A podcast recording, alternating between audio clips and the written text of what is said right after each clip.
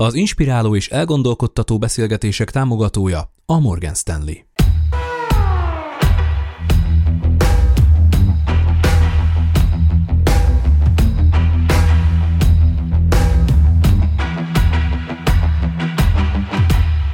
Sziasztok, ez a Beszélnünk kell ötödik évada.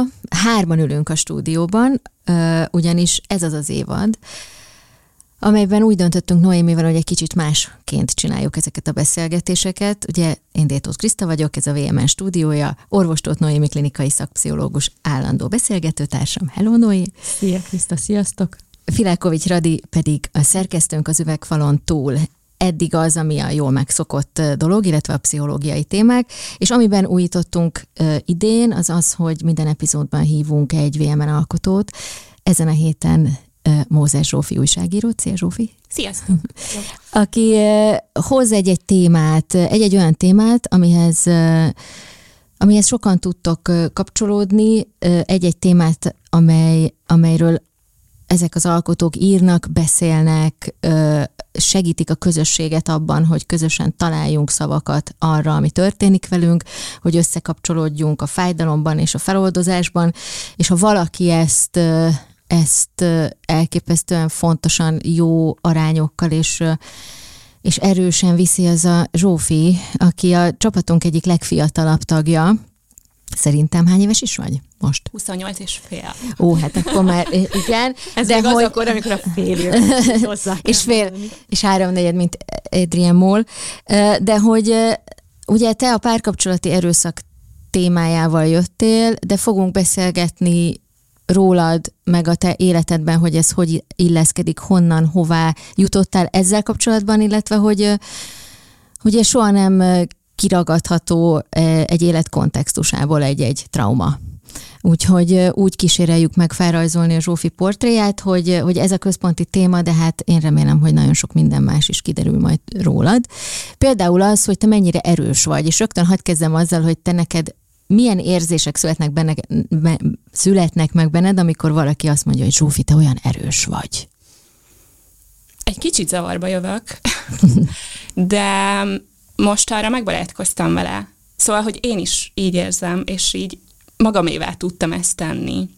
Ö, nagyon sokáig úgy gondoltam, hogy, hogy ez azért nem egy ilyen különleges dolog. Tehát, hogy, hogy így persze mindenkinek megvan a maga élete, ugyanúgy éli mindenki az életét, és aztán egyszer csak így, így visszanéztem, és láttam, hogy, hogy ez azért így nem egy teljesen átlagos, vagy hát szeretném azt gondolni, hogy, hogy ez azért nem egy teljesen átlagos öm, most az életút egy kicsit erősnek hangzik itt a 28 és fél éve után, de hogy, hogy igen. Szóval, hogy gyakran elhangzik ez az erős vagy, meg erős nők, meg, tehát ez, én, én, én azt gondolom, hogy ez néha ez néha még, még talán teher is, nem? Hogyha valakire ezt így rá, mert hogy akkor az ember azt gondolja, hogy akkor ezt neki vinni kell, és el kell bírni, és hogy az erős nő nem omolhat össze, és hogy neki missziót kell ten, képeznie az ő erejéből. Nem tudom, szóval annyi minden van abban, hogy amikor valakire azt mondják, hogy erős, nem?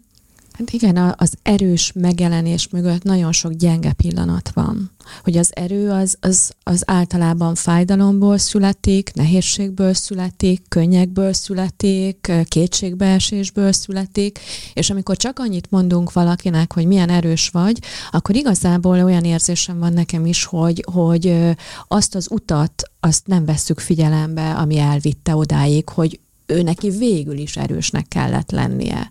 Mert nagyon sokszor ö, kapta meg azt a reakciót a környezetéből, mire ő rájött, hogy itt most vagy erős leszek, vagy nem, és akkor elbukom, és akkor szétesem, hogy, hogy nem segítettek, hogy nem figyeltek rá, hogy nem támogatták meg, és aztán ez vezette el oda, hogy, hogy valahogy így a romjaiból így felépítette a saját erejét, megtalálta a, a, a, a saját hatékonyságát, de hogy ez, ez sokkal mélyebb, sokkal több, mint hogy ja, hát te olyan erős vagy, és akkor megveregetjük a vállát.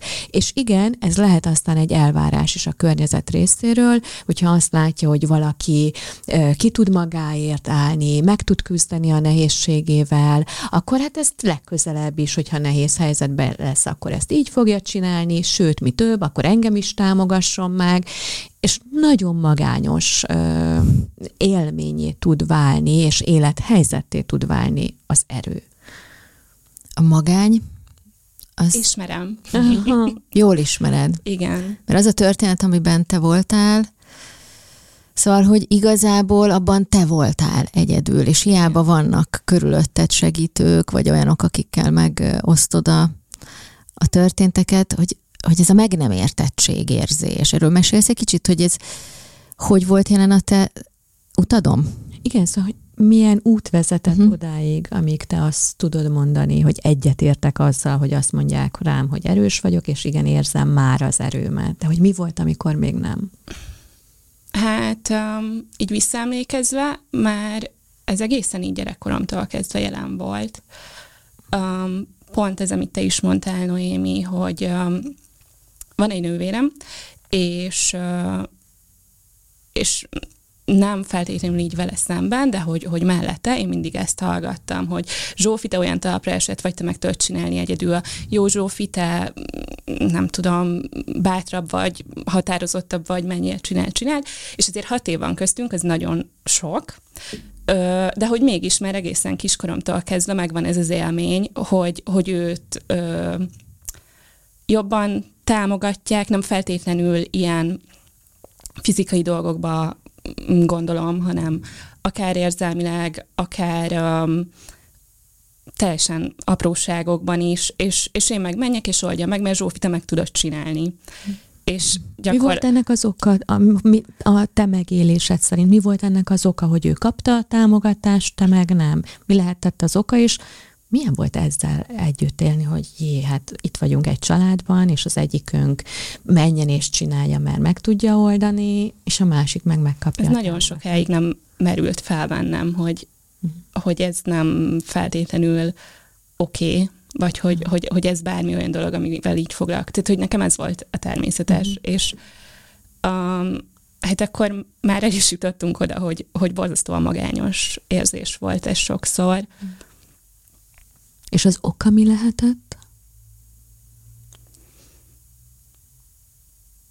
Hát egyrészt azt, hogy meg tudom csinálni. és Hogy tényleg és meg tudod csinálni. Igen. Aha.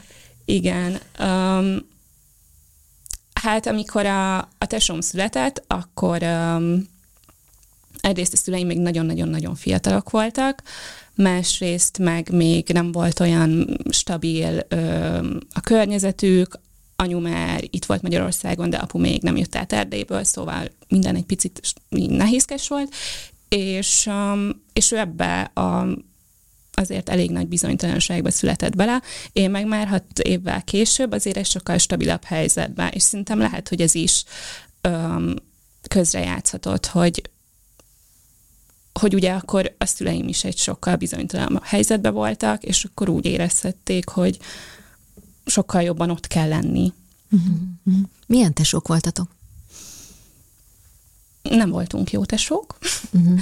Öm, nem nagyon álltunk közel egymáshoz, öm, sem érzelmileg, sem amúgy, tehát hogy ez a, az, hogy mi közösen játszunk, vagy így együtt csináljunk valamit, ez nagyjából kimerült abban, hogy ő mondott valamit, én meg azt így csináltam.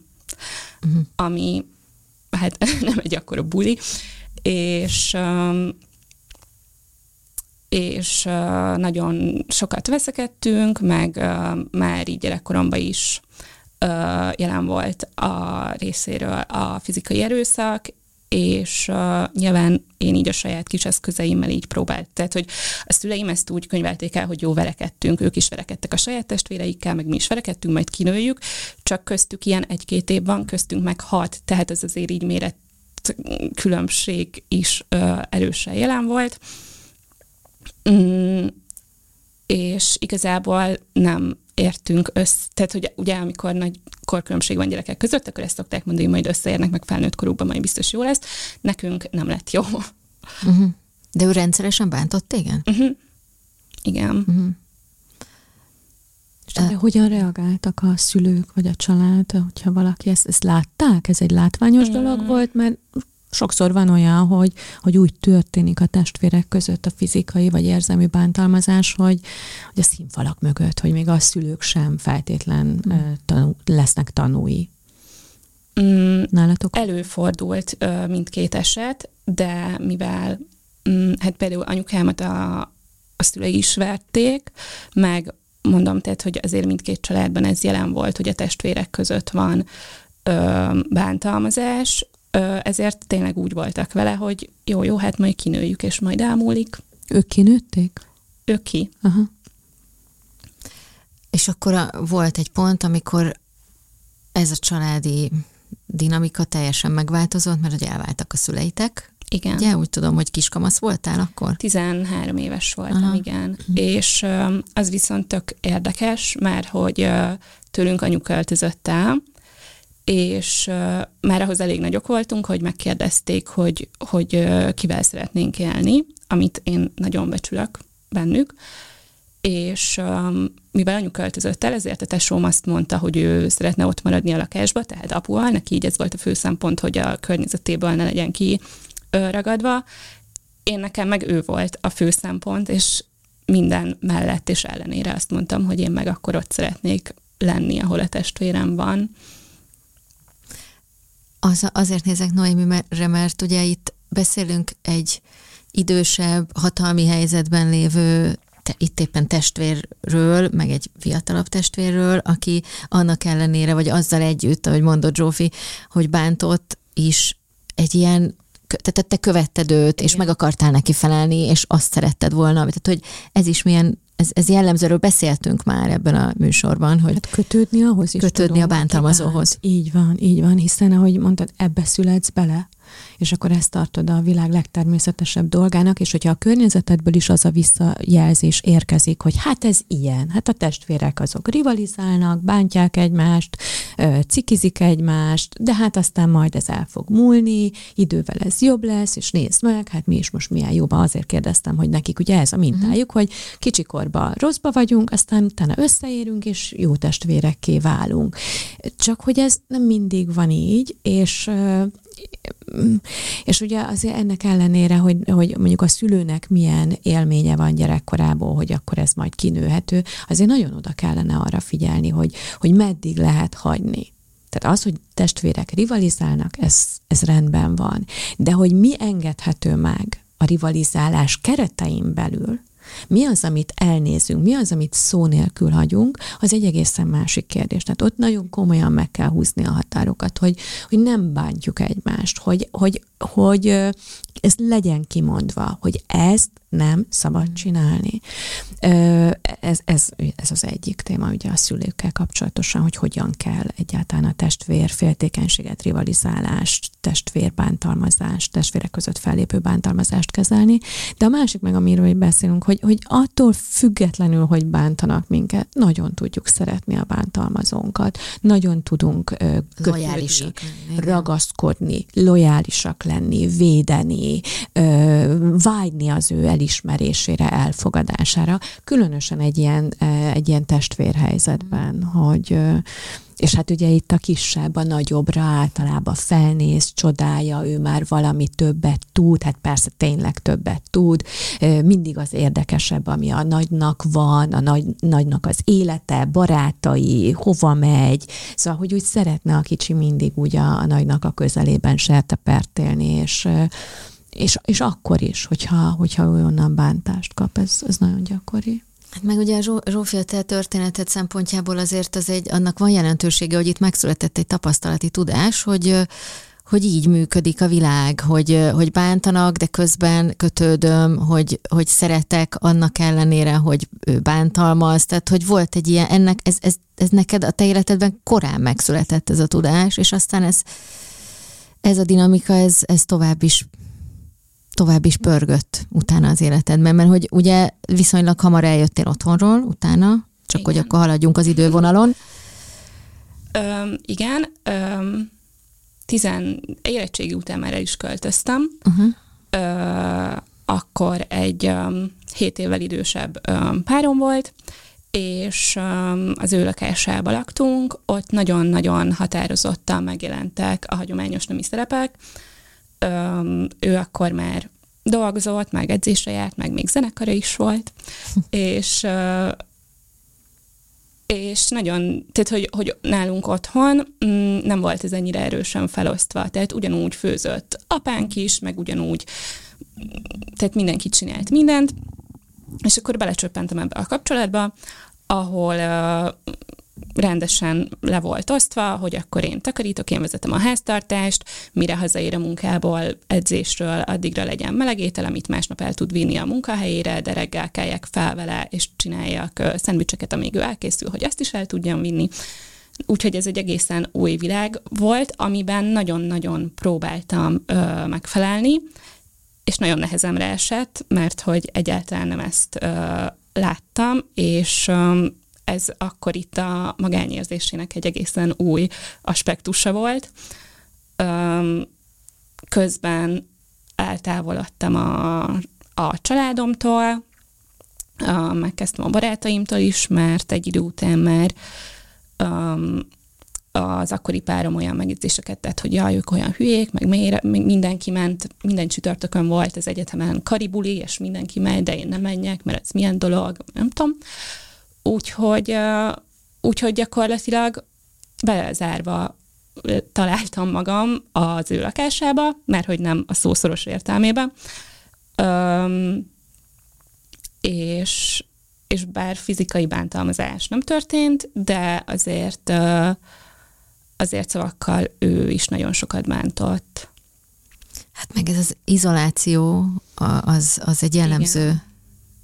jellemző ilyen jelenség ezekben a kapcsolatokban, nem? Tehát, hogy Noémi, ez, ez hát, leválasztani a... Hogyne, hogyne. Hát, hogy minél kevesebb társas kapcsolattal rendelkezel, annál kiszolgáltatottabb vagy, és akinek az a vágya, hogy uralkodjon a másik felett, ő előszeretettel él ezzel a technikával, hogy a párját leválasztja a társas megtartó segítséget, adott esetben segítséget nyújtani képes ö, kapcsolódásairól, és onnantól kezdve, hogy leválasztódsz, így egy ilyen alternatív valóságba kerülsz, ö, hiszen csak az kezd el létezni, amit ő köréd kreál, és az ő visszajelzései lesznek az egyetlen uh, viszonyítási lesz az egyetlen viszonyítási pont az életedbe. Tehát, hogyha ő elkezd téged szavakkal bántani, minősíteni, leértékelni, akkor mivel már leszakadtál a társas közegettől, ezért nem lesz senki, aki azt mondja, hogy ne, állj már meg. Hát ez nem igaz te nem vagy rossz, te jó vagy, te nem vagy buta, te okos vagy, te nem vagy tehetetlen, te nem vagy mások által utágyűlölt, semmibe vett valaki. Mi itt vagyunk és szeretünk, mert ugye általában ez szokott lenni, hogy leértékelő, tehát hogy a, a a, ez a bántalmazó fél, ez azt mondja, elkezdi leértékelni a társas kapcsolataidat. Hát azok milyen hülyék, milyen, hát ez egy ilyen egyetemi buli, hát a karibuli, ugyan már, hát kik járnak oda, milyen emberek, és akkor te is így elkezded így átvenni ezt, hogy ah, tényleg, és talán még látod is, hogy tényleg ezek milyenek, és te is magadba leértékeled őket, és így belecsúszol ebbe a kis buborékba, ahol aztán a végén te is leértékelődsz. Elhiszed magadról. El. Igen. És ebbe a helyzetbe jött egy baba, és még mindig csak 19 voltál. Ez így van, igen. Um, ezt nagyon sokan kérdezik, de hogy ez a 19 éves fejemmel ez egy tervezett baba volt, tehát hogy, hogy én ott abba voltam, hogy akkor ez egy végre lesz lehetőségem olyan családot építeni, ami, amire én vágytam, és anyám is 19 évesen szülte a nővéremet, és láss csodát, mindenki felnőtt, minden szuper. Tehát, hogy én ezt egyáltalán nem, nem láttam ebben a helyzetben a kockázatot. Zsófi, azt mondod, hogy egy lesz lehetőségem, azt gondoltad, lesz lehetőséged egy olyan családot építeni, amire vágytál. Hogyha egy szót kellene mondani, mi volt az, amire vágytál?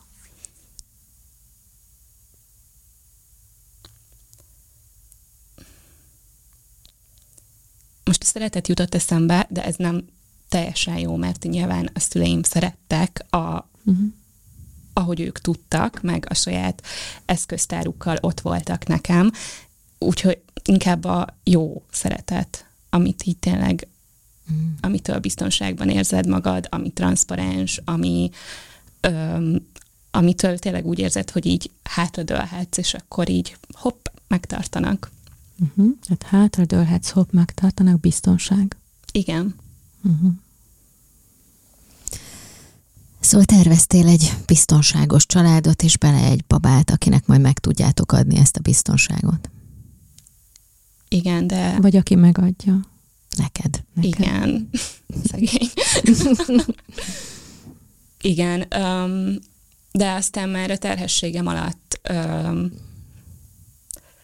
felmerültek nehézségek, mert kiderült, hogy hogy az akkori páromnak voltak párhuzamosan, ha nem is barátnői, de hogy azért kapcsolatai, um, és akkor én fel is vetettem, hogy, hogy akkor inkább, még ez azt hiszem, ilyen a nyolcadik hét körül volt, hogy mondtam, hogy akkor én inkább szeretném elvetetni ezt a gyereket, és akkor menjen ő jobbra, én balra. Um, de annyi erőm már nem volt, hogy, hogy ezt én magam végigvigyem, meglépjem, felhívjam az orvost, és elintézem, és mondta, hogy ő, ő meg nem ö, csinálja meg, ö, mert hogy konkrétan kértem, hogy akkor hívja fel az orvost, és akkor ö, mondja elő, hogy, hogy ez a döntésünk. Ö, úgy, hogy ott maradtam, és nagyon a magánynak egy újabb verziójával találkoztam, mert hogy a, az a a terhességemnek az a szakasza, amikor már így nehezebben mennek a, akár a hétköznapi dolgok is, az pont nyára esett, ő pedig nyáron nagyon sokat koncertezett a zenekarával, de oda már nem mehettem, mert hogy terhes emberek nem mennek fesztiválokra, meg amúgy is. Um, és akkor, amíg ő koncertezett, addig én összeszereltem a pelenkázó asztalt, meg elmentem babakocsit venni, meg ilyesmi. Szóval elég um, egyedül készültem erre a gyerekre, de közben az elvárások ö, nem hogy csökkentek volna felém, hanem nőttek, hogy ki kell vasalni a meg nem született gyerek rúgdalózóit, csak úgy tegyen be a szekrénybe, de most sem is ki, nem tudom. Szóval, hogy mm, Bocsánat, közben a te családod, vagy az ő családja, ők, ők hol voltak, voltak-e? Mert hogy ahogy így beszélsz, nekem olyan kép jelenik meg, hogy ott van egy, egy fiatal lány, mert nem is mondanám még nőnek talán, hanem egy fiatal lány, a pocakjában már növekszik egy kis élet, egy baba, és hogy olyan nagyon-nagyon egyedül van ebben az egészben, a, a lelki készülésben is, és ebben a fizikai készülésben is, ami egy babának az érkezésével együtt jár, hogy, hogy hol, hol voltak a, a, a, a családtagok? Mm, én eddigre már nagyon eltávolodtam a, a családomtól, tehát hogy ott voltak, meg találkoztunk, de hogy, hogy ez sokkal inkább egy ilyen felszínes valami volt, nem, nem volt egy ilyen, vagy én nem éltem úgy meg, hogy ez egy ilyen mély, igazi családi kapcsolat, tehát hogy igazából egész, hogyha a gyerekkoromra visszaemlékszem, akkor is um, akkor is ez az élményem, hogy, hogy a mi családunkban nem volt ilyen nagyon transzparens, vagy, vagy érzelmekkel teli kötődés egymáshoz, hanem így megvoltak a szerepek, mindenki abban volt, és akkor inkább így együtt vagy egymás mellett éltünk. Tehát, hogy így persze voltak közös programok, meg ilyesmi, de hogy nem beszélgettünk az érzéseinkről, nem beszélgettünk a problémákról, vagy csak nagyon ritkán, hogyha mondjuk nekem a iskolában volt valami a barátaimmal, egy nehezebb időszak vagy helyzet, akkor se nagyon fordultam a szüleimhez ezekkel, szóval, hogy, hogy nagyon hiányzott. És volt ez egy érzelmi távolság. Igen. Oké, okay, de ott egyszer csak jó. Ezt ért. Szerintem így látni, hogy, hogy egyszer csak ott van a 19 éves lányunk, családtagunk, testvérünk, és várandós, és hogy így, hogy oké, okay, hogy találkozunk, de hogy, hogy azok a találkozók miről szólnak, hogy hello, veled mi van, mi történik a te életedbe, úristen, és mi történik a mi életünkben, ugye? Tehát, hogy ezért azt tudjuk, hogy amikor valaki várandós, akkor az nem csak róla szól, hanem ott kialakul egy család, ott nagymamák, nagypapák születnek azzal a pici babával, szóval, hogy, hogy erre így senki nem reagált, hogy egyébként ott a pocakodban mondjuk az én unokám nö- növekszik? Hát, ha reagált is, nem jutott el hozzám. nem, ez így ne, nem volt. Mm, egyáltalán nem volt ilyen. Én tényleg nagyon bezárkóztam, és um, elfordultam a származási családomtól, és anyúnak voltak ilyen próbálkozásai még korábban, hogy, hogy de mondd már rá, hogy, hogy mit szeretsz ebben a fiúban, mert hogy én is nagyon szeretném szeretni, de hogy, vagy kedvelni, de hogy, de hogy nem ismerjük, és akkor mondjál légy és erre nagyon emlékszem erre a pillanatra, így nem tudtam neki mit mondani. Szóval, hogy ő azért így próbálkozott, um, de amikor találkoztunk, az tényleg ilyen, mi újság, minden rendben, veled is? Jó. Az, szóval, hogy azért ez a, a az, az a érzelmi bántalmazottnak lenni, az egy ilyen, szerintem szinte olyan, mint egy ilyen módosult tudatállapot. Az, olyan. az én megélésem szerint, aki nem 19 évesen és nem várandósan, de voltam ilyen helyzetben, lehet, hogy vannak pillanatok, amikor így kognitív szinten tudod, hogy, vagy lehet, hogy nincsenek szavaid, de hogy így, így felfogod, hogy valamiben vagy, ami nem jó, de nem tudsz. Nem, tehát, hogy nincsenek eszközeid, érzelmileg nem tudsz oda fejlődni mellé, és azt mondani, hogy jó, akkor most összeszedem magam, és változtatok. Szóval egy ilyen bénító érzés. Igen. Nem? Azt egyébként így éreztem, hogy nem jó, már korábban is, de hogy um, nem láttam alternatívát. Mm. Nem tudtam, hogy akkor egyrészt mi az, ami jó, másrészt meg hogy jutok el oda, ahol jó. Igen.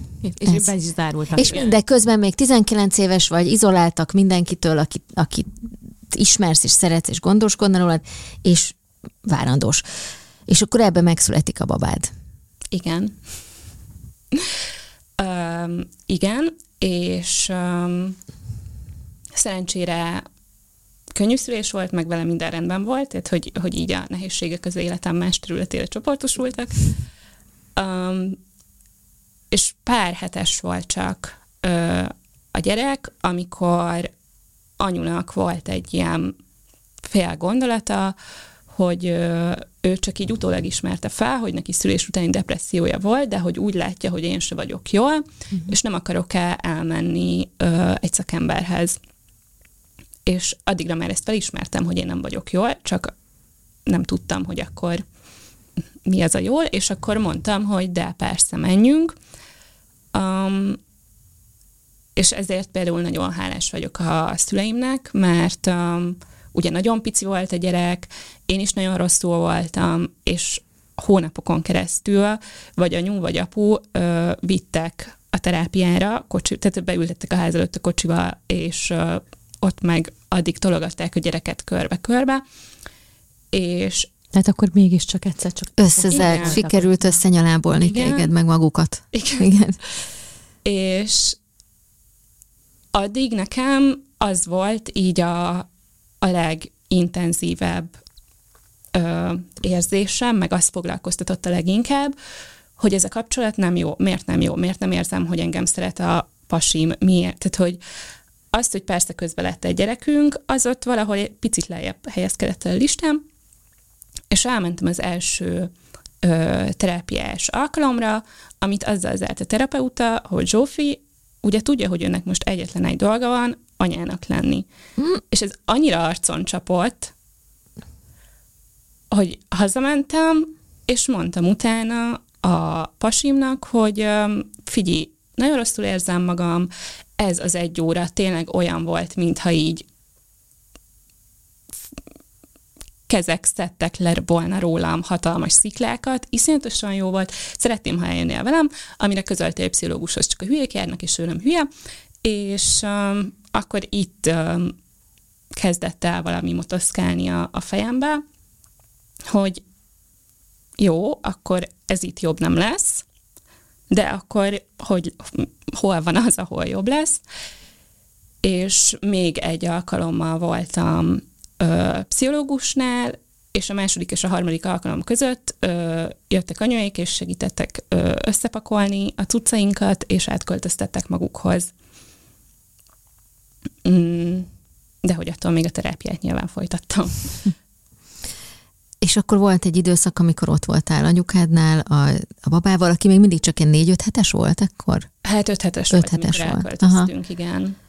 Tehát még a gyermekágyi időszakban vagyunk gyakorlatilag, Igen. amit úgy szoktak mondani, hogy gyermekágyi időszak. De azért ez itt egy nagyon fontos pillanat, és szerintem így álljunk meg, hogy így tényleg a környezet mennyit számít, hogy egy-egy ilyen Nagyon. bántalmazotti helyzetben lévő ö, embernek, a, ha, ha végül, ha, ha, csak egy, ha csak egy valaki van, aki megfogja és beülteti az autóba, és elviszi segítségért, az életmentő. Meg hát ez a posztpartum időszak Ráadásul. legérzékenyebb ö, időszak az életünkben egyáltalán, hiszen tényleg olyan fellazulás történik testi-lelki szinten egyaránt, olyan új identitást kell ott kialakítani. Ez egy nagyon komoly, nagyon komolyan megterhelő időszak, amiben hát nagyon könnyű így nagyon mélyre jutni, és hogyha a környezet nem veszi észre, akkor akár ennek végzetes következménye is lehet, úgyhogy tényleg hála Istennek, hogy, hogy a, a, az édesanyád ezt észlelte, és, és meglátta a párhuzamot, hogy milyen érdekes, hogy tudta, hogy ő miben volt, és rögtön látta a párhuzamot a, a te érzéseid, a te működésed és az ő egykori működése között, és tudott ott már hatékonyan ö, cselekedni, és, ö, és jelen lenni, és, és egyfajta ilyen védőbástyát ö, ö, képezni. Szóval, hogy, hogy na, nagyon-nagyon oda kell figyelni, hogy, hogy mi történik. Ez nem fáradtság a posztpartum depressziós időszak, ez nem, nem tudom én, lehangoltság, hanem ez egy nagyon komoly, nagyon mély, kétségbeesett, üres, fogódzó nélküli állapot. Így ho- hogyan lettél, jobban lettél? Hogyan lettél jobban amíg e- ebben a... Mert hogy ugye jön egy második felvonása ennek a történetnek még, már nem ugyanezzel a férfival, hanem egy másik kapcsolatban, ahol, amiből aztán egy hosszú hét éves jogi procedúra is lett, amiből aztán tényleg így saját magad kapartad ki a saját igazságát, és tehát, hogy van, egy, van, egy, van ennek az egész történetnek egy feloldozása, és most jutottunk el odaig, hogy volt ez a kapcsolat, amiből megszületett a kisfiad, akivel tudom, hogy happy end, mert hogy iszonyúan imádjátok egymást, és tök jó vagytok, de hogy, hogy hogy jutunk el innen, ebből a kimenekített állapotból odáig, hogy jött egy új kapcsolat? Úgy, hogy um, elköltöztünk anyuékhoz, és tényleg nagyon-nagyon sokat segítettek, tehát, hogy um, egy évet hagytam ki az egyetemen, tehát, hogy még nem volt egy éves a gyerek, amikor én visszamentem az egyetemre, és um, a, mi, tehát tényleg mindent csináltak, hogyha vizsgám volt, hogyha tanultam, de rendszeresen volt olyan, hogy lefektettem este a gyereket, elmentem bulizni, és tudtam, hogy ötkor ébred először, úgyhogy ötre hazaértem, és akkor, tehát hogy, hogy így nagyon hagyták, hogy levegőt vegyek, és de mindemellett én azért egy tehernek éreztem magunkat, soha nem éreztették, meg tényleg a örökre és végtelenül hálás vagyok nekik azért a nem is tudom, majdnem egy évért, amit mi ott eltölthettünk, és tehát mindenben segítettek. Pelenkáztak, fürdettek, etettek, sétáltattak, közben ugye engem vittek pszichológushoz. Téged is el. Igen. Igen. Hát akkor egyszerre voltak ilyen Két szülői gyerekük lett. szerepben mind a... Öm, igen, Uh-huh. Mm, és um, közben elég csúnyán elindult a gyerekelhelyezési per is, nyilván azt se én a 20 éves fejemmel ö, kezdtem el, hanem ott is egy kicsit meg kellett toszogatni, hogy merre menjek. Um, és de hogy mi mindemellett ott volt bennem ez az érzés, hogy ők azért nem erre fizettek be, nyilván, ha szeretnének egy csecsemővel együtt lakni, csinálnának maguknak egyet, tehát hogy így az ő akaratukon kívül is végig ott volt bennem ez az érzés. Úgyhogy úgyhogy, amikor megismerkedtem a következő párommal, akkor amiben szintén nagyon támogatóak voltak, hogy menjek csak randizak, csináljam, legyek boldog, akkor mi elég gyorsan összeköltöztünk. Négy hónap után, de ez olyan négy hónap volt, hogy ő akkor úgy dolgozott, külföldön dolgozott, és egy hónapot teljesen kint volt, a köztes hónapot pedig itthon töltötte végig, tehát gyakorlatilag két hónapja ismertük egymást, amikor összeköltöztünk. És benned még mindig ott volt a vágya az olyan csa- saját családra, ami... Igen. Aha, tehát hogy szerettél volna még mindig ezt a... Igen, és nagyon furcsa, mert hogy a, amikor elköltöztünk a, a gyerekem apjától, akkor ő azért elég erősen nyomta ezt, hogy de hát gyerekkel kinek fogsz kelleni, mm, és, és ez tényleg nagyon sokáig ott volt bennem, de így az ismer, tehát hogy több mindenkivel is így ismerkedtem, mire összejöttünk a, a következő párommal, de hogy ez soha senkinek nem jelentett problémát, pedig hát akkor még csak mondjuk ilyen másfél éves körül volt a gyerek, mm. tehát hogy tényleg nagyon-nagyon pici volt, és, és senki nem mondta azt, hogy jó Zsófi, nagyon szép vagy, meg jó fej, meg szívesen lennék veled, de hát itt egy gyerek. Uh-huh.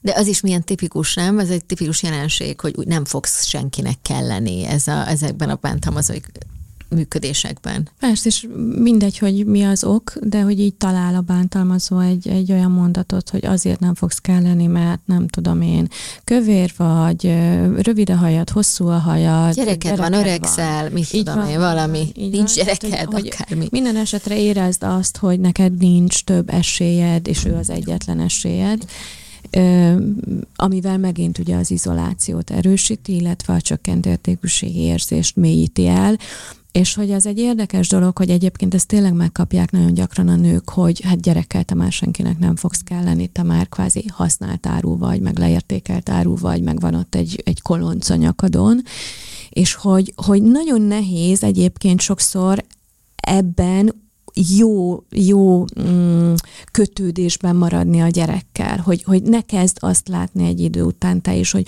úristen, akkor most ő miatta lehet, hogy nekem ez egy, a következő pártalálás az egy nehezített pálya lesz. Úgyhogy ez nagyon, nagyon gyakran jelentkezik így a, az egyedül maradó anyukáknál, hogy hogy akkor a, a gyerekkel való kötődés az úgy, úgy egy picit úgy, úgy megsínli ezt az időszakot, amíg, amíg aztán nem jön valaki, és nem mondja azt, hogy hát nekem te szőröstől, bőröstől plusz a gyereket, gyerekeddel együtt kell lesz, és én úgy szeretlek, ahogy vagy, és, és nekem nem jelent ö, problémát a, a, a gyereknek a létezése, sőt, őt is szeretni fogom, és szeretni tudom. És akkor látszólag találtál egy ilyen embert. Igen. Látszólag. Igen. De azért itt is, tehát hogy, hogy az elején tényleg nagyon idilli volt minden, meg közösen csináltunk programokat, meg jött az anyja is, és akkor ilyen üzeneteket írt az Ádámnak, hogy én nem is értem, hogy a Zsófi hogy lehet ilyen normális, mert hogy az előző barátnő, és nem tudom. Uh-huh.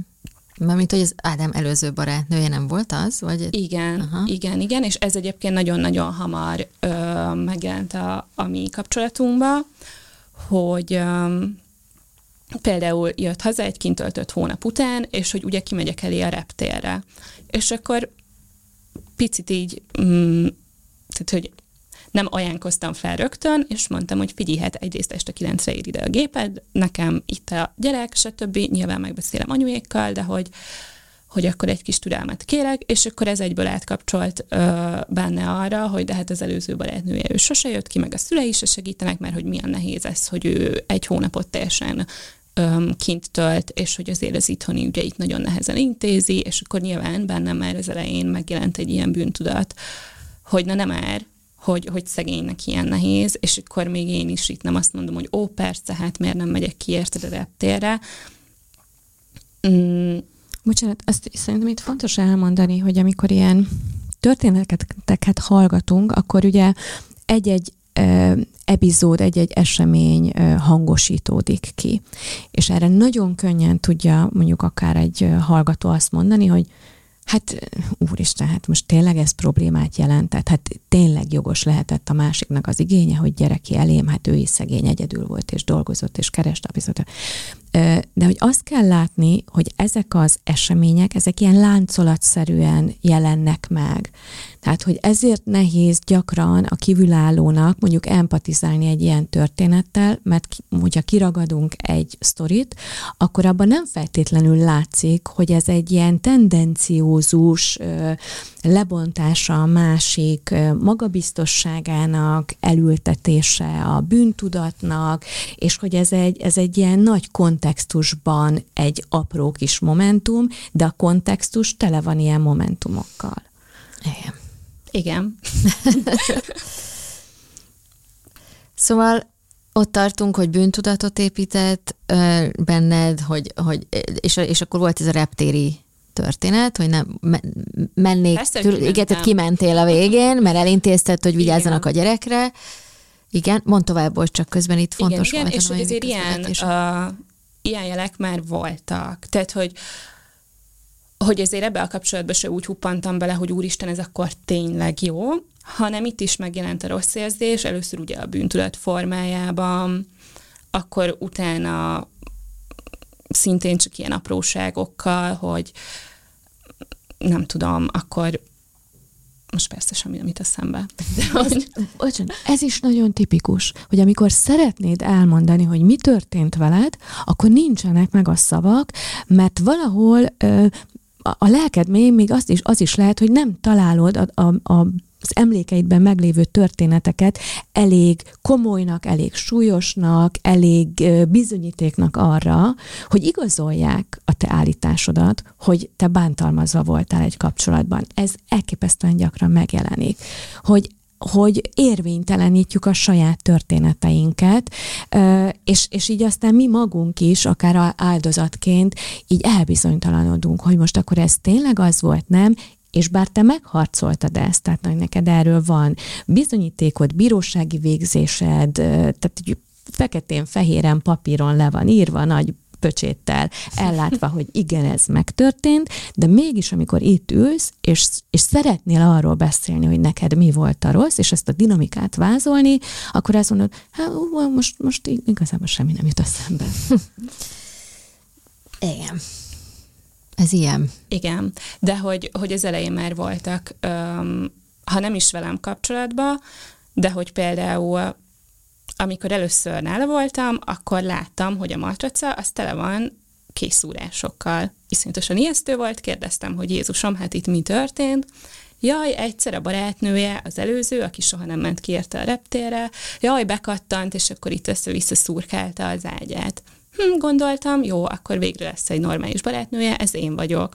Aztán valahogy pár héttel később a kezembe került a jogosítványa, amin volt egy monoklia, és kérdeztem, hogy hát itt mi történt, és mondta, hogy jaj, csak az előző barátnője egyszer bekattant, és akkor megpróbálta őt megverni, de hogy ő meg mm, csak védekezett, mm-hmm. és akkor és akkor megint ott volt bennem egyrészt a sajnálat felé, másrészt pedig egy ilyen teljesítési vágy, hogy Megmentő na, szeret. Igen. Uh-huh. Majd hogy, nálad megnyugodhat végre. Igen, mert én kimegyek elé a reptére, és nem vagdosom szét az ágyát. Mm.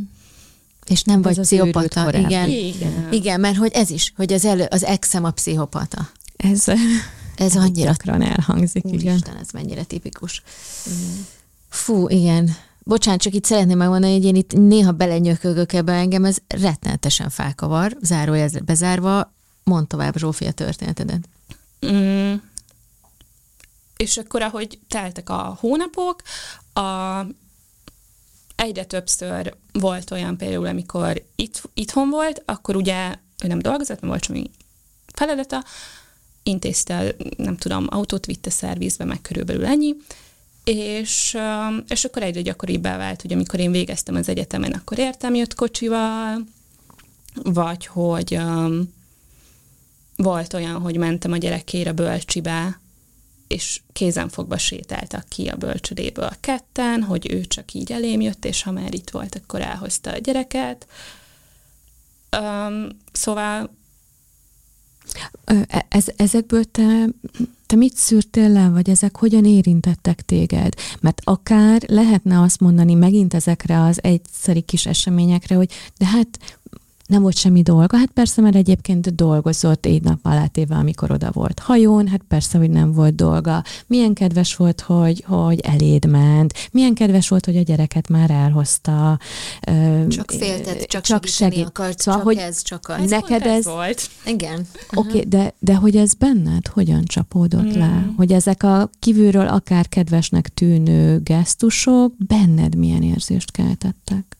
A konkrétan felém tett gesztusai, tehát, hogy ez például, hogy értem, jött egy idő után már minden alkalommal, amikor az egyetemen végeztem, um, ezt így kedvességnek tudtam megélni, de hogy például ez, amikor így a gyereket szó nélkül elhozta a bölcsibe, ez, ez már ott egy akkora, tehát konkrétan olyan volt, mint egy ilyen hidegvizei zuhany, hogy itt mi történik, miért hozzá bárki az én gyerekemet a tudtam nélkül bárhonnan. És um, ebből lett is egy nagy vita, és pont ezt mondta, hogy de hát ő csak segíthető. De közben nem is beszéltük meg, hogy aznap találkozunk egyáltalán. Um, és akkor olyankor meg mindig bennem lett egy kis bűntudat, hogy ah, de hát micsoda jó ember, hát ő csak segíteni akar. Milyen klassz ember. Ez a kettős Igen. könyvelés is nagyon jellemző, hogy, hogy van egy mondás a másik részéről, és ahhoz képest van neked egy intuíciód, vagy egy nagyon mély belső megélésed, és a kettő nagyon nem fedi egymást. És akkor az ember ott van általában az van, hogy így mozog a két narratíva között, hogy igen, segíteni akar, ha, de akkor miért van bennem rossz érzés? Ha rossz érzés van bennem, akkor ez lehet, hogy nem helyes. De hát mégiscsak ez csak egy, egy segítés, és, és ez egy állandó libikókázás. Igen, ez a gázlángolás e, tipikus eset, amikor a saját józaneszedet és logikádat és a valóságodat megkérdőjelezett Igen. folyamatosan. Igen. Mm. És mi volt az, amikor már azt mondtad, hogy aha, itt már nincs kérdés, tehát, hogy már ez a libikókázás, ez így megszűnt, tudom, hogy mi zajlik. Ez nagyon sok erre történt, hogy körülbelül egy évvel később. Um, onnantól, hogy összejöttünk, kb. egy fél évvel később történt az első fizikai bántalmazás. Um, ez egy féltékenységi vitából um, következett, mert hogy ő is elkezdte szépen leépíteni a barátaimat, főleg a fiúkat, de aztán már volt olyan, hogy amikor a barátnőmmel elmentem ebédelni, akkor eszébe jutott, hogy pont azt a helyet szerette volna kipróbálni, úgyhogy ugye nem baj, hogy ő is jön. És um, és voltunk um, valahol, és a program után elővettem a telefonomat, és megnéztem az üzeneteimet, és az egyik uh, fiú barátom írt valamit. És ezen nagyon-nagyon kiakadt az Ádám, hazáig veszekedtünk, és um, végül már így tényleg teljesen eszköztelennek éreztem magam, hogy elmondtam, hogy mondom, bemutattalak egymásnak, tudod ki ez, tudod, hogy ő a barátom, régebb óta a barátom, mint ahogy téged ismerlek, de amúgy se gondolom, hogy magyarázkodnom kéne. És ugyanúgy folytatta, hogy de nekem mi szükség van fiú barátaimra, ő biztos nem elég nekem. Amikor is átmentem a gyerekszobába, a gyerekem nem volt otthon, mert hogy ez egy esti program volt, és um, akkor ott le is feküdtem az ágyába, és azt, hittem, hogy azt gondoltam, hogy jó, akkor, akkor most megnyugszunk reggelre, és éljük tovább az életünket és um, utánam jött, és a, a bokámnál fogva lehúzott a, az ágyról, és akkor ott ilyen játékokat dobált hozzám, meg um, ami a kezdő ügyébe akadt, és végül um, az előszobából nyílt a, a gyerekszoba, és egy cipőt ö, hozzám dobott, és pont itt a szememnél talált el, és ö, pillanatokon belül lett egy hatalmas sötét lila monoklim, és még ez sem az a pillanat volt, amikor, amikor így tudatosult bennem. Um, szerintem ettől ő is nagyon megijedt. Um, nem tudom, hogy, hogy az ő viselkedése lepte meg, vagy pedig az, hogy tényleg az arcomon talált el, amit azért így nem tudok eltakarni, vagy nem tudom kimagyarázni, hogy hogy lett szombat este egy hatalmas monoklim, de utána hónapokon keresztül minden rendben volt. Tehát, hogy, hogy akkor így néhány hétig azt gondoltam, hogy jó, hát ha ilyen, akkor mi ezt így tudjuk, tudjuk folytatni.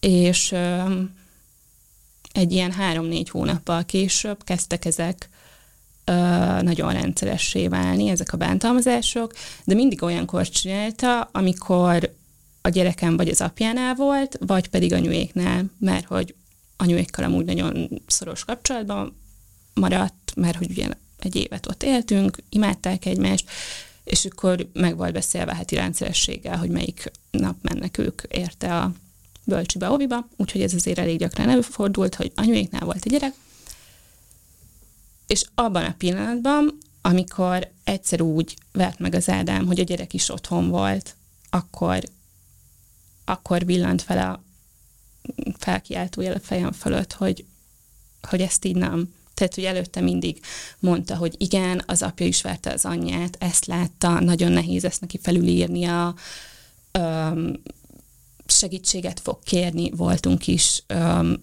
pszichológusnál ketten, kétszer, de hogy nyilvánvalóan nem, nem változott semmi. O, ott szóba került, hogy... Ö, a második alkalommal igen, és akkor annyit mondott a terapeuta, hogy, hogy, hogy ő érezte már az elején, hogy valamit nem kerek, ami történetünkből, ö, de hogy, de hogy ezzel nem nekem kell dolgoznom, hanem az Ádámnak. És, és nyilván többet nem mentünk. Tehát, hogy, hogy, hogy ez Nem egy... volt hajlandó többet. Igen. Mm.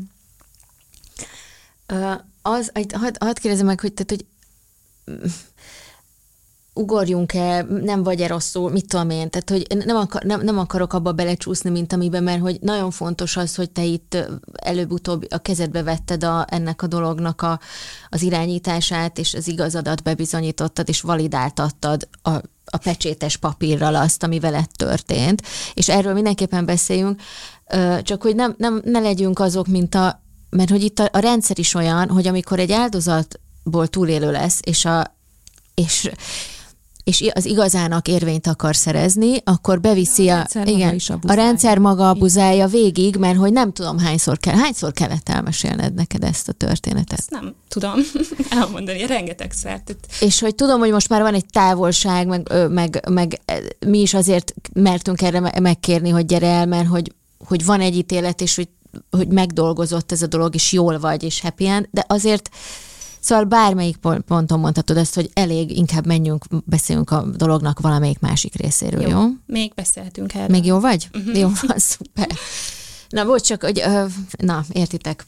Szóval, hogy, hogy itt, amikor a gyerek otthon volt, és megtörtént egy újabb fizikai erőszak, akkor, akkor felvillant valami, és akkor valami benned átkattant, és valami más lett. Igen, de hogy eddigra már több mint egy éve együtt voltunk. Mm. Um, és nagyon-nagyon sok tényező tartott engem ebbe a kapcsolatba. Egyrészt az, hogy túl voltam már egy nem működő kapcsolaton, onnan van egy gyerek, nem lehet, hogy nekem még egy kapcsolatom nem működjön. Ezzel ki kell állnom a családom elé, akikkel bár már egy picit közelebb közelebbi kapcsolatban voltam, mint az előző párkapcsolatom alatt, de hogy ilyen érzelmekről, meg ilyesmikről nem beszéltünk, tehát egyszer például valamilyen családi összejövetelen a nővérem pont rákérdezett, hogy, hogy mi történt, hogy a sípcsontom tele van ilyen zöldes, lilás foltokkal, és akkor mondtam, hogy jaj, nem is tudom, nem vettem észre, biztos az ágy szélébe beütöttem. Mm. Tehát, hogy um, másrészt um,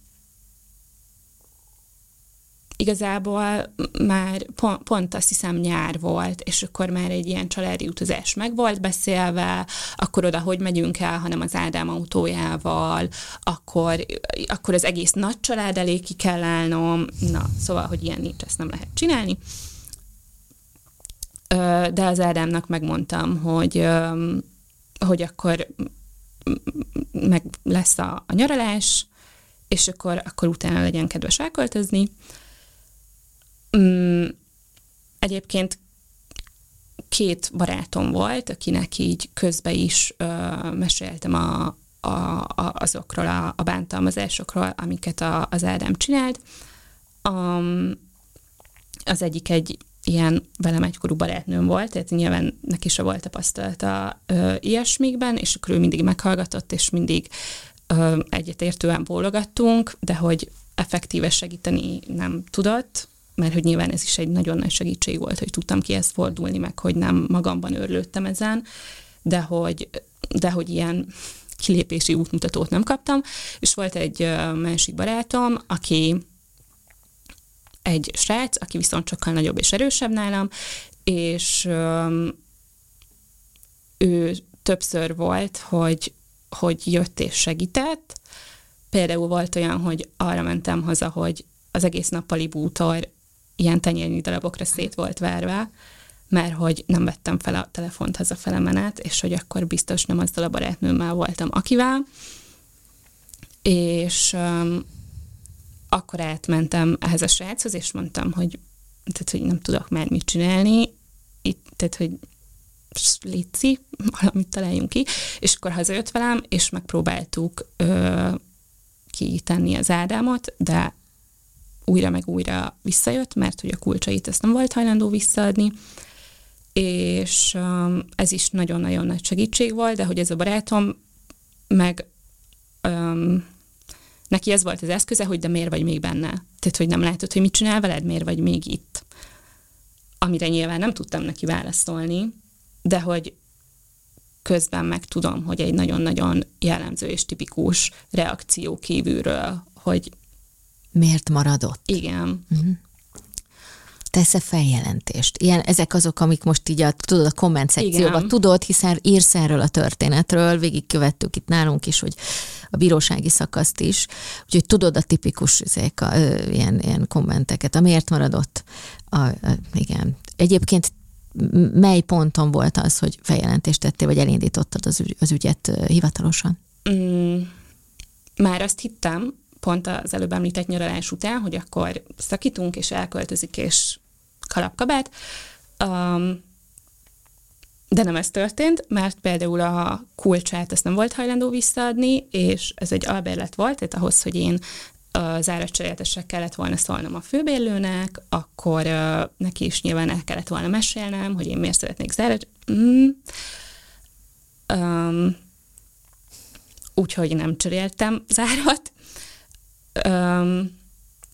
de az Ádám még mindig visszajárt ilyen mondva csinált okokkal, hogy jaj, még az egyik zokniát itt felejtette meg, hogy a zuhanyfüggönyhöz a rudat ő vette, és akkor ezt szeretné elvinni. És um, egyszer, um, tehát én akkoriban nagyjából a munkahelyem, az otthonunk és az ovi közötti háromszögben mozogtam, és um, mentem dolgozni, nyilván ezt az Ádám is nagyon jól tudta, megálltam az egyik zebránál, elővettem a telefonomat, hogy átpörgessem az üzeneteimet, és ő hátulról kikapta a kezemből. És akkor ott a, ez egyébként a körúton történt, tehát hogy egy viszonylag forgalmas helyem, akkor ott próbáltam tőle ö, visszaszerezni, de tehát, hogy én voltam akkor ilyen 45 kiló körül, ő meg 105 mondjuk, és kb. egy fejjel magasabb nálam,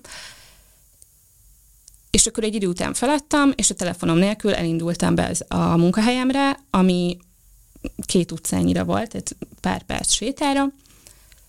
Um, bementem, és jött utánam, és beszálltam a liftbe, és oda is jött utána, és mondtam, hogy én most fel fogok menni, ez egy uh, társasházban, egy lakásba volt az irodám, és uh, a liftben úgy elkezdett folytogatni, hogy én azt hittem tényleg, hogy ott maradok, soha nem talál meg senki, se a telefonom nincs nálam egyáltalán, és végül ö, be tudtam menni az irodába, és ö, egyből bezárkóztam a konyhába, az volt az első ajtó, ahogy beléptünk a, a lakásba, és visszaadta az Ádám a liftbe a telefonomat, és felhívtam az ügyvédemet, akivel a gyerek elhelyezést csináltuk, és, és mondtam, hogy már szakítottunk, már elvileg elköltözött, és, és mégis nem tudok úgy bemenni a munkahelyemre, hogy, hogy, hogy ne legyen ott.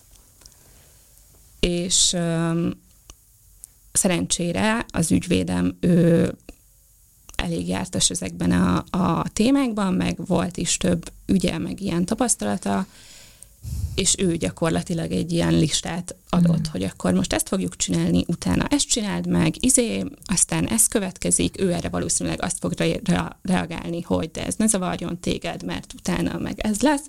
Mm. És akkor ez, tehát egy ilyen nagyon robotikus üzemmódban mentem végig ezeken, és bár nem ezzel kezdődött, meg nem ez volt a beszélgetés célja, de egy idő után eljutottunk oda, hogy akkor öm, akarok-e feljelentést tenni, ha igen, akkor tudjam, hogy az évekig húzódik, lehet, hogy ez lesz az eredménye, lehet, hogy semmi nem lesz az eredménye, gondoljam át, ő mit javasol, és akkor végül ennek hatására tettük meg a feljelentést. És amikor azt mondták, hogy lehet, hogy semmi nem lesz az eredménye, mert olyan a rendszer, mert az is lehet, hogy a nyomozóhatóság sem fog, fog vele, mert egyébként áldozatként ezt hallja az ember. Főleg, hogyha nincs fizikai bántalmazás, hanem minden más van, ami ugyanúgy, meg, meg, ugyanúgy megszületik benned a fájdalom, a fenyegetettségérzés és a, a trauma is minden. Na, szóval, hogy akkor mit éreztél meg, hogy hogy, hogy viszonyultál ez az egészhez? Mm, egyrészt bennem nagyon erős szempont volt az, amit az ügyvédem mondott, hogy általában, amikor a bántalmazó megkapja az értesítést, hogy, hogy akkor ez hivatalos útra lépett, akár még csak a nyomozás ö, formájában, hogy az már egy visszatartó erős szokott mm. lenni. Illetve, hogy bármi is lesz az eredmény, lesz nyoma. Tehát, hogy lesz hivatalos nyoma annak, hogy akkor ő ott van, akkor mit csinált, mások is hallják, Um, illetve um, az, amit ugye hoztam gyerekkoromból, hogy de Zsófi meg tudod csinálni, minden rendben lesz, menj csináld, fel sem merült bennem, hogy, hogy lehet olyan, hogy ennek nem lesz eredménye, hogy ezt lesöprik az asztalról, és azt mondják, hogy hogy, hogy nem, nem történt meg, vagy hogy ez nem egy olyan kaliberű dolog, hogy, hogy a rendőrség akár foglalkozzon vele. Ez nem tartott sok ideig ez az érzés, mert hogy miután orvosi papírokkal alátámasztva, tanúkkal, tanúk vallomásával alátámasztva beadtuk az ügyet, nyilván um, kapcsolati erőszak volt a tényállás. Tényállás, köszönöm. Um, elindult a nyomozás zaklatás miatt. Uh-huh. Ez is egy nagyon-nagyon tipikus. De mondjuk el, hogy itt neked már volt több látleleted. Hát, hogy, igen, hogy ezek nem, igen, igen. nem egy orvosi papír volt, hanem több látlelet volt, ami több bántalmazás után született, vagy igen. készült el. És a zaklatás az egy alacsonyabb Ugye? Igen. Az, az igen. alacsonyabb, igen. lényegesen alacsonyabb büntetési tétellel járó dolog. Hm. Igen.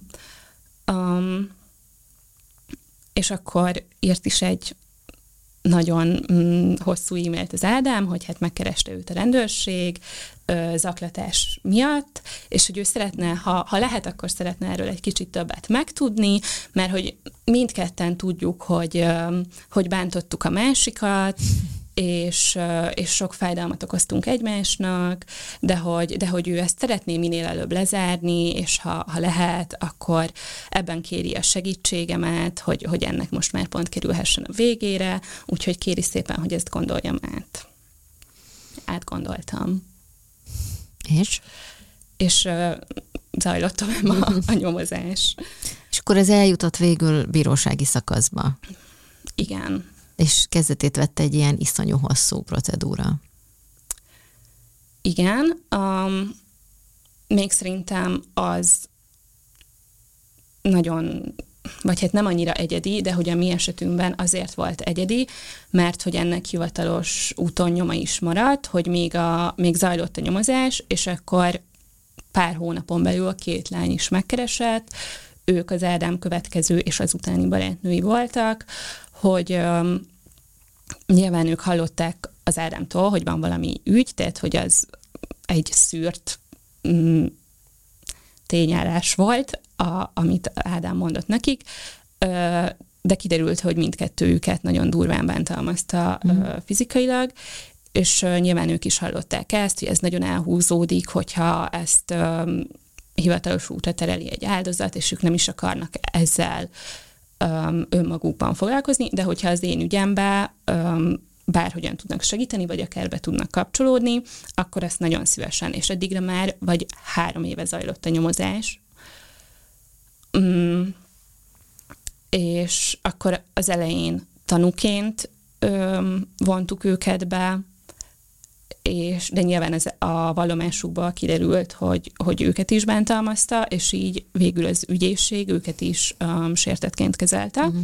Úgyhogy amikor eljutottunk a, a bíróságra, akkor ott már három sértett volt. És um, pont ezért, mert hogy három uh, sértett volt, uh, letöltendő börtönbüntetést kért az ügyészség, ami nagyon-nagyon ritka, és ezt mondta is az ügyvédem, hogyha én egyedül maradtam volna, akkor biztos, hogy, hogy felfüggesztettet kértek volna ezért. Um, és akkor voltak ilyen kalandos esetek még, hogy, hogy kitűzték nagyon sokára a tárgyalás időpontját, mert közben a Covid miatt megcsúszott az egész, meg feltorlódtak az ügyek, tényleg ahhoz képest, hogy a vádemeléstől elvileg 30 napja van a bíróságnak, mi szerintem legalább egy fél évet vártunk, mm. hanem többet. És ott ültünk mindannyian, mi a három sértett, az ügyvédem, az Ádám, az Ádám egész családja, és az ő ügyvédje. És, ott ültetek egy váróban, igen, nem? Uh-huh. Igen, és egész egyszerűen nem jelent meg a bíró. Úgyhogy ott vártunk szerintem majdnem egy órát, amikor is jött egy jegyző, és mondta, hogy hát akkor a bíró ma már nem fog nem, nem jön ide, úgyhogy akkor egy következő időpontról majd értesítenek minket, um, és a következő alkalommal másik ügyészt kaptunk, aki elmondása szerint nem látta, hogy az ügyészség letöltendő börtönbüntetést kért, és szerinte elég a felfüggesztett is, úgyhogy akkor ő azt kért, amire vagy amit halván az Ádám ö, el is ismert mindent, és így megkapta a felfüggesztett büntetését. Úgyhogy maga a, a büntetőper az így ért véget, mm, és ezzel nagyon nehezen barátkoztam meg, de azon a tényen nem változtat, hogy, hogy amit te is mondtál, Noémi, hogy ott van a papír, le van írva, le van pecsételve, ez megtörtént. Éveken keresztül hallgattam, hogy hogy hogy bántottuk egymást, és hogy ez mennyire nem jogos, és hogy, hogy ha én nem okoztam volna olyan helyzeteket, amik miatt ő féltékeny lett volna, akkor ez nem is történt volna meg. A következő barátnőitől kiderült, hogy azt úgy szokta előadni a történetet, hogy én bipoláris vagyok, és hogy, hogy ezért én csak féltékenységből indítottam ezt az egészet. Úgyhogy um, igen. Amikor Renner Erikával forgattam Elviszleket, azt hiszem ő mondta, hogy, hogy a bántalmazások túlélőinek a, a igazából a polgári per az, ami, ami a, talán a, a, font, a fontosabb, vagy ami a nagyobb elégtételt okozhatja. És nem az összegek miatt, meg a, hanem egyáltalán, hogy ott, ott van az, ahol kevésbé bántalmazza őket talán igen. a rendszer. Nekem Ezt te is így élted meg? Igen, hogy a, hogy a büntetőeljárásban én gyakorlatilag a sérüléseimmel együtt csak egy bizonyíték vagyok. Tehát, hogy, hogy ez nem, nem rólam szól, az egyáltalán nem az én öm, sérelmeimről szól, hanem ott csak én egy test vagyok, akit igen megvertek, a másik lány egy test, akinek eltört a karja, a harmadik egy harmadik, akit megerőszakolt, tehát hogy, hogy ott ez így ennyi a nevünk helyett szerepelhetne három szám is ott. És um, tavaly nyáron uh, indítottuk a kártérítési párt, a polgárit, és annak ellenére, hogy ott már nem kellett bebizonyítani, a, amiket az Ádám csinált, hiszen már volt egy, egy jogerős büntető ítélet. Um, és emiatt nagyon rövid is lesz, reméljük, a még nem ért véget ez a per, de hogy, de hogy tényleg a bíró hozzáállásától kezdve um, az egész tényleg olyan, hogy ez értem van, hogy oda jönnek a tanúim, és elmondják, hogy igen, ezek megtörténtek, igen, én ezt láttam a Zsófin, tényleg úgy van, ahogy én mondtam. És, és valóban, amit az Erika mondott, hogy, hogy ez az, ami egy ilyen fel, feloldást uh-huh. tud adni.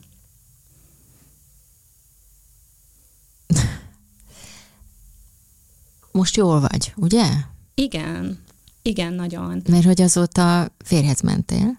Igen. Azt elmondtam, most már elmondtam. Nem baj? Sziasztok, férhez mentem. nem. De ha akarod, ezt kivágjuk. Nem, nem, nem. Nagyon örülök.